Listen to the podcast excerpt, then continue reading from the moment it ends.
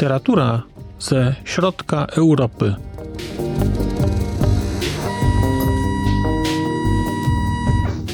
Podcast około książkowy.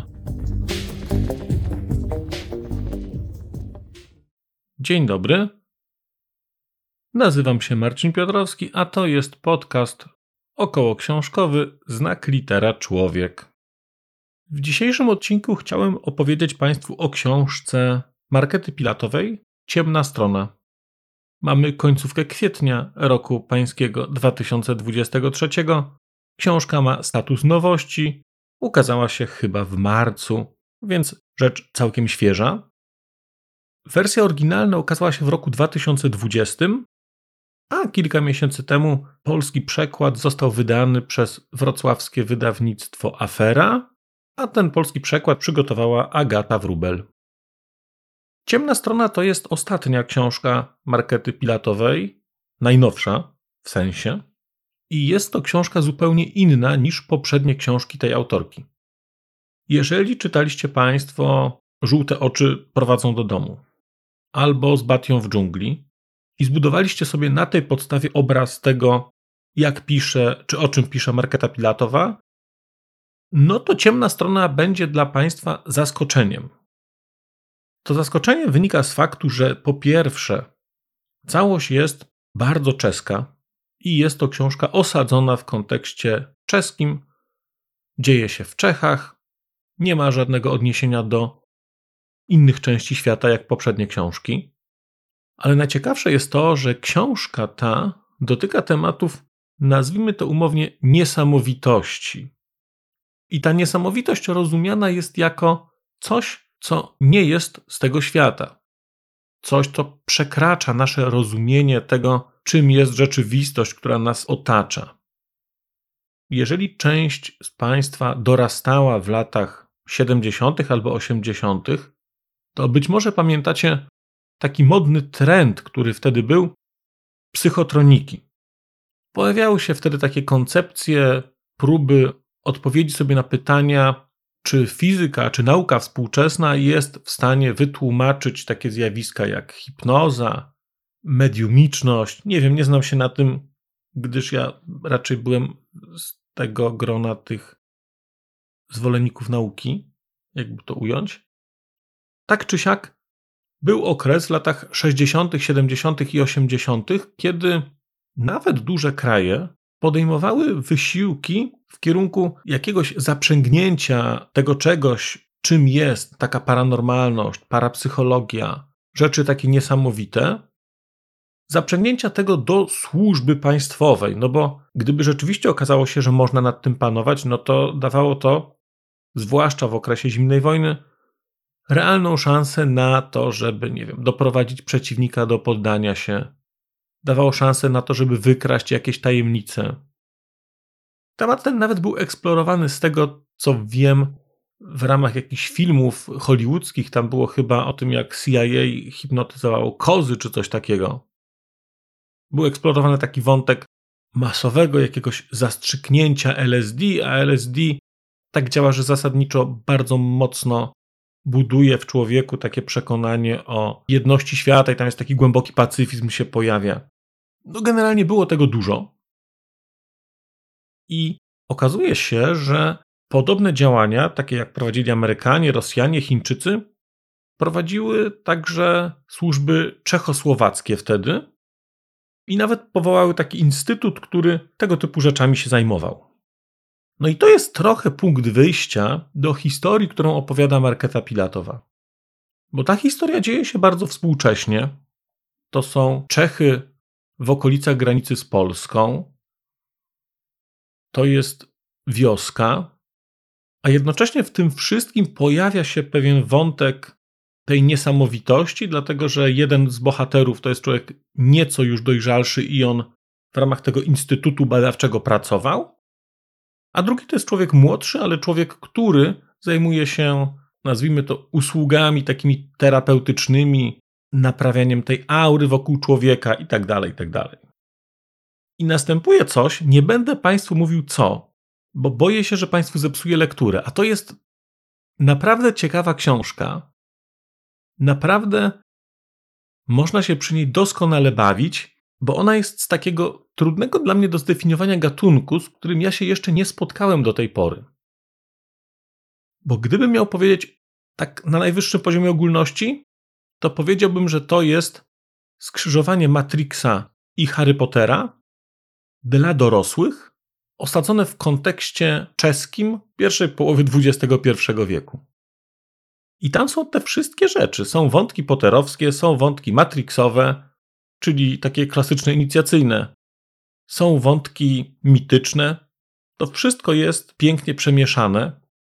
To wszystko jest pięknie splecione, no bo pojawia się nam tutaj Feniks, pojawiają się tutaj inne jakieś istoty mityczne. To wszystko jest tak bardzo sprytnie wymyślone. To jest wszystko tak połączone. To jest takie danie, którego ja przyznam nigdy wcześniej nie jadłem.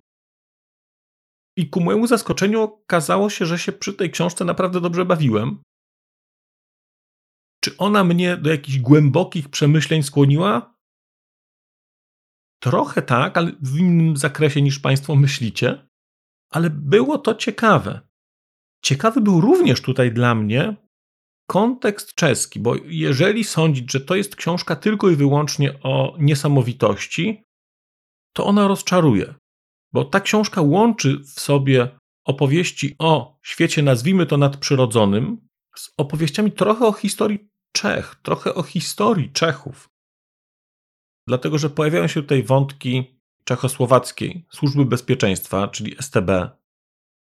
Są tutaj też wątki Niemców, bo właściwie wydaje mi się, że trudno mówić o prozie czeskiej, która gdzieś odnosi się do okolic wojny, żeby tam się nie pojawili Niemcy, ale w zupełnie innym kontekście niż w Polsce. Więc jest STB, są Niemcy, są jakieś takie głębsze też odwołania historyczne do trochę innych rzeczy. Jest pokazanie trochę szkoły czeskiej już, okresu transformacji. No jest tutaj wiele różnych takich wątków osadzonych bardzo w kontekście rzeczywistym, bo one się dzieją w świecie rzeczywistym.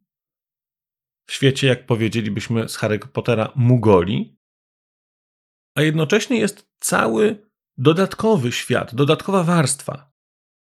I uświadomiłem sobie, czytając tę książkę, że Marketa Pilatowa de facto napisała klasyczną powieść postmodernistyczną. Postmodernizm przejawia się tutaj jako splecenie światów, jako przeplecenie rzeczywistości. To jest ta historia, o której kiedyś opowiadałem kilkukrotnie przy okazji książek postmodernistycznych, że pisarz stara się doprowadzić do tego, żeby czytelnik się zgubił. I w tej książce się to Markecie Pilatowej udało. A udało się jej w zupełnie inny sposób niż robią to klasyczni pisarze postmodernistyczni. Dlatego, że tutaj splecenie rzeczywistości następuje na kilku poziomach. Mamy bowiem to, co się dzieje obecnie, taki świat realny, świat przedstawiony ludzi ze sobą rozmawiających. Mamy to, co się dzieje, kiedy oni kontaktują się, nazwijmy to umownie, z duchami, więc oni z tymi duchami rozmawiają. I teraz pytanie, którzy, jaka część ich rozmawia z tymi duchami? Później mamy elementy hipnozy i bycia u kogoś w głowie, prowadzenia rozmów w tej głowie z innymi osobami z życia tej osoby, których już nie ma, ale które tam mieszkają. I to już był taki moment, że ja się zaczynałem gubić. Jest przepiękny i genialny, absolutnie genialny dla mnie cały wątek zarządzania pamięcią i wątek tak zwanych pałaców pamięci. Te pałace pamięci to jest chyba jakaś mnemotechnika, sposób na zapamiętywanie dużej liczby rzeczy i obywanie się bez notatek. Jest to tutaj pokazane świetnie. Jest to pokazane do tego stopnia, że ja się zastanawiam, na ile autorka korzysta z tego typu rzeczy, z tego typu technik, bo jest to opisane tak, no, że wygląda na to, że, że trzeba to naprawdę dobrze znać. Więc mamy bycie u kogoś w pałacu pamięci, bycie u kogoś w głowie.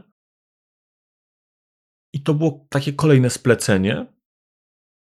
A na dodatek następuje jeszcze przeplecenie czasów, bo okazuje się, że można zrobić coś, będąc u kogoś w głowie w trakcie hipnozy. Można zmienić przeszłość. Można zmienić przeszłość także dla ducha, w świecie duchów, co będzie miał jakiś poniekąd wpływ na rzeczywistość. Bardzo to jest nieoczywiste.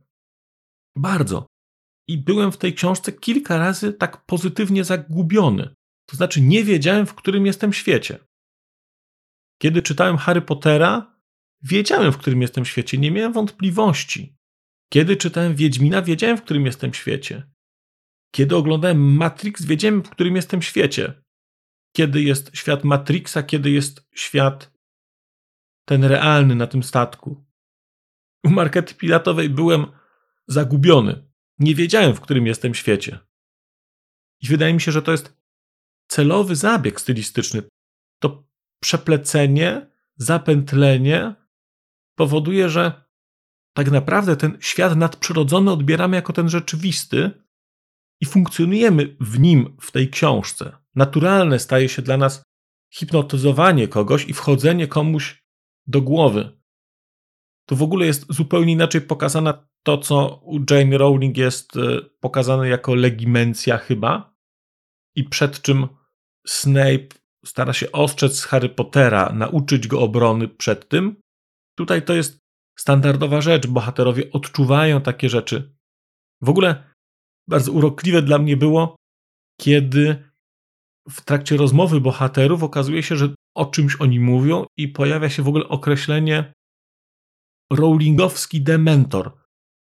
To jest cudowne zaimportowanie do tego świata elementu struktury ze świata innego, ze świata też literackiego, schowanie, podkręcenie tego i dodanie takiego przypisu, ale takiego przypisu do czegoś, co nie istnieje. To znaczy, w sumie chyba istnieją, bo ja na przykład, jak jem czekoladę, to usprawiedliwiam się, że właśnie dementorzy nadchodzą i machnę sobie może tabliczkę.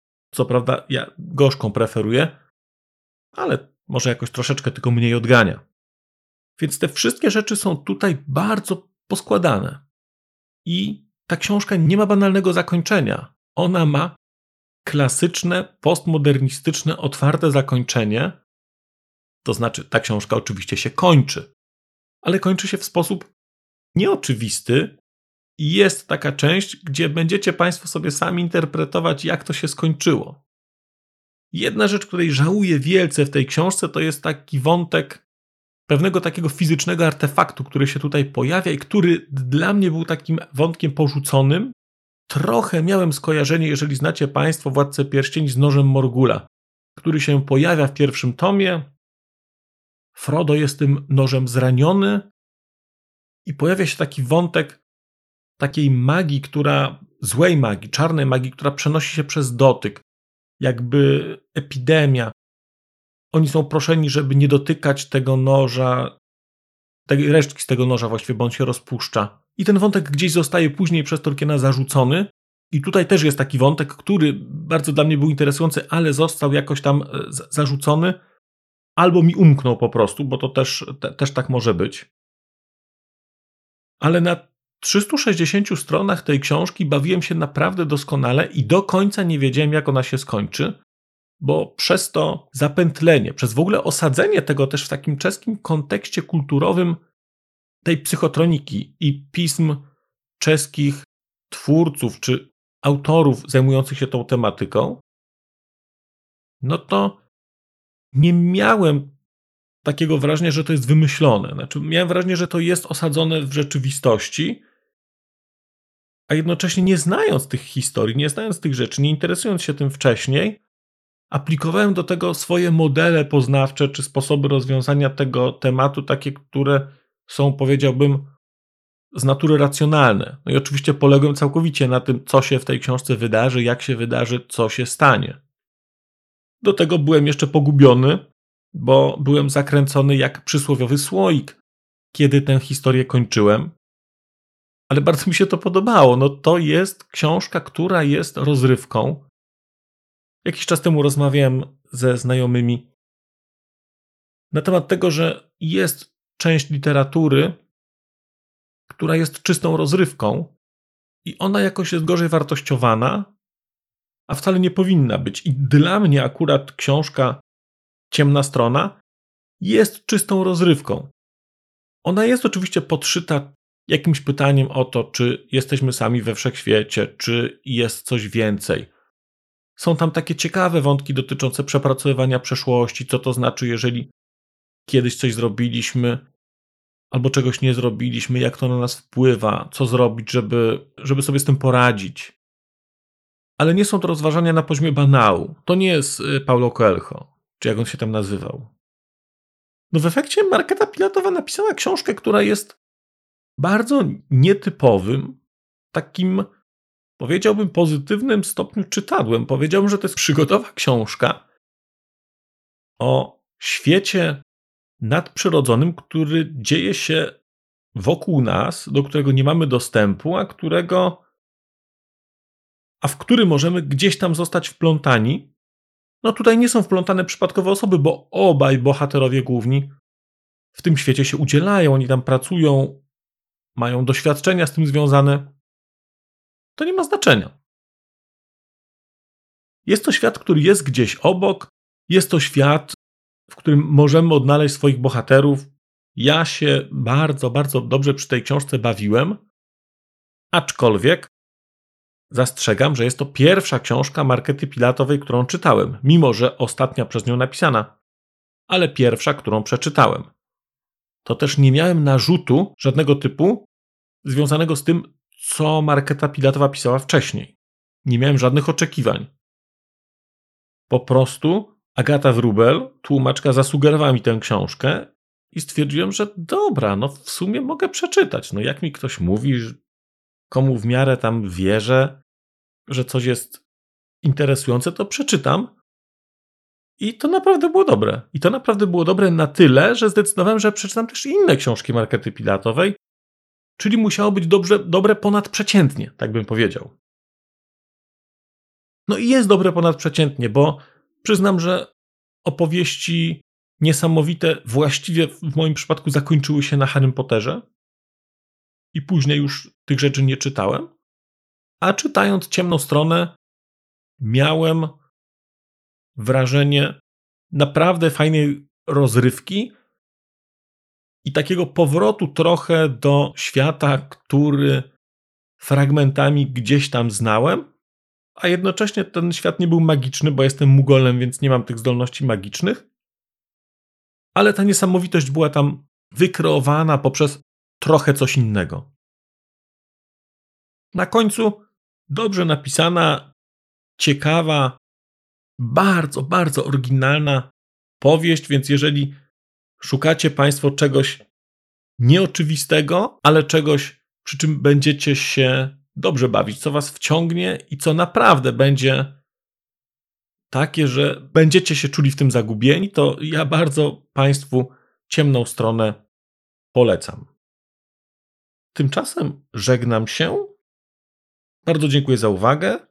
Zapraszam do komentowania. Bardzo ciekaw jestem, czy czytaliście Państwo ciemną stronę, ewentualnie czy planujecie, ewentualnie jak przeczytacie, co o tym sądzicie. W szczególności, jeżeli znaliście Harry Pottera. Bardzo, bardzo będę ciekaw Państwa opinii po tej książce, bo ja miałem wrażenie trochę jeszcze tak odlegle powiem, że czytam jakąś Arabelę dla dorosłych. Wydaje mi się, że ta książka, nie wiem, czy ona by się ukazała w Polsce, czy polscy autorzy potrafiliby coś takiego napisać. Bo w Czechach jest przecież to zjawisko kręcenia bajek, które oglądają całe rodziny, które oglądają także osoby dorosłe. Arabella nie jest wyjątkiem, jest przykładem, jest elementem pewnego typu rozrywki w Czechach popularnej, czego akurat bardzo Czechom zazdroszczę, bo ja Arabelę bardzo lubiłem. Tym razem naprawdę dziękuję. Żegnam się z Państwem bardzo niesamowicie. Do usłyszenia. A już zupełnie na koniec powiem, że skoro wysłuchaliście Państwo tego odcinka, to w jego opisie znajdziecie link do serwisu YouTube. W wersji YouTube'owej e, jest miejsce na skomentowanie go. To jest takie miejsce, gdzie można komentować ten odcinek, rozmawiać, zadawać pytania, wymieniać się spostrzeżeniami, do czego Państwa bardzo zachęcam, gdyż udało się już na tym YouTubie zgromadzić trochę bardzo ciekawych osób, bardzo ciekawych komentarzy i trochę stworzyć taką społeczność ludzi rozmawiających o książkach. Też na koniec, zupełnie na koniec, e, poproszę Państwa o wystawienie oceny mi w ramach e, tych platform podcastowych, na których Państwo tego odcinka wysłuchaliście. I nieważne jaka ta ocena będzie, istotne dla mnie po prostu, że będzie. Tymczasem się żegnam już naprawdę i do usłyszenia za czas jakiś.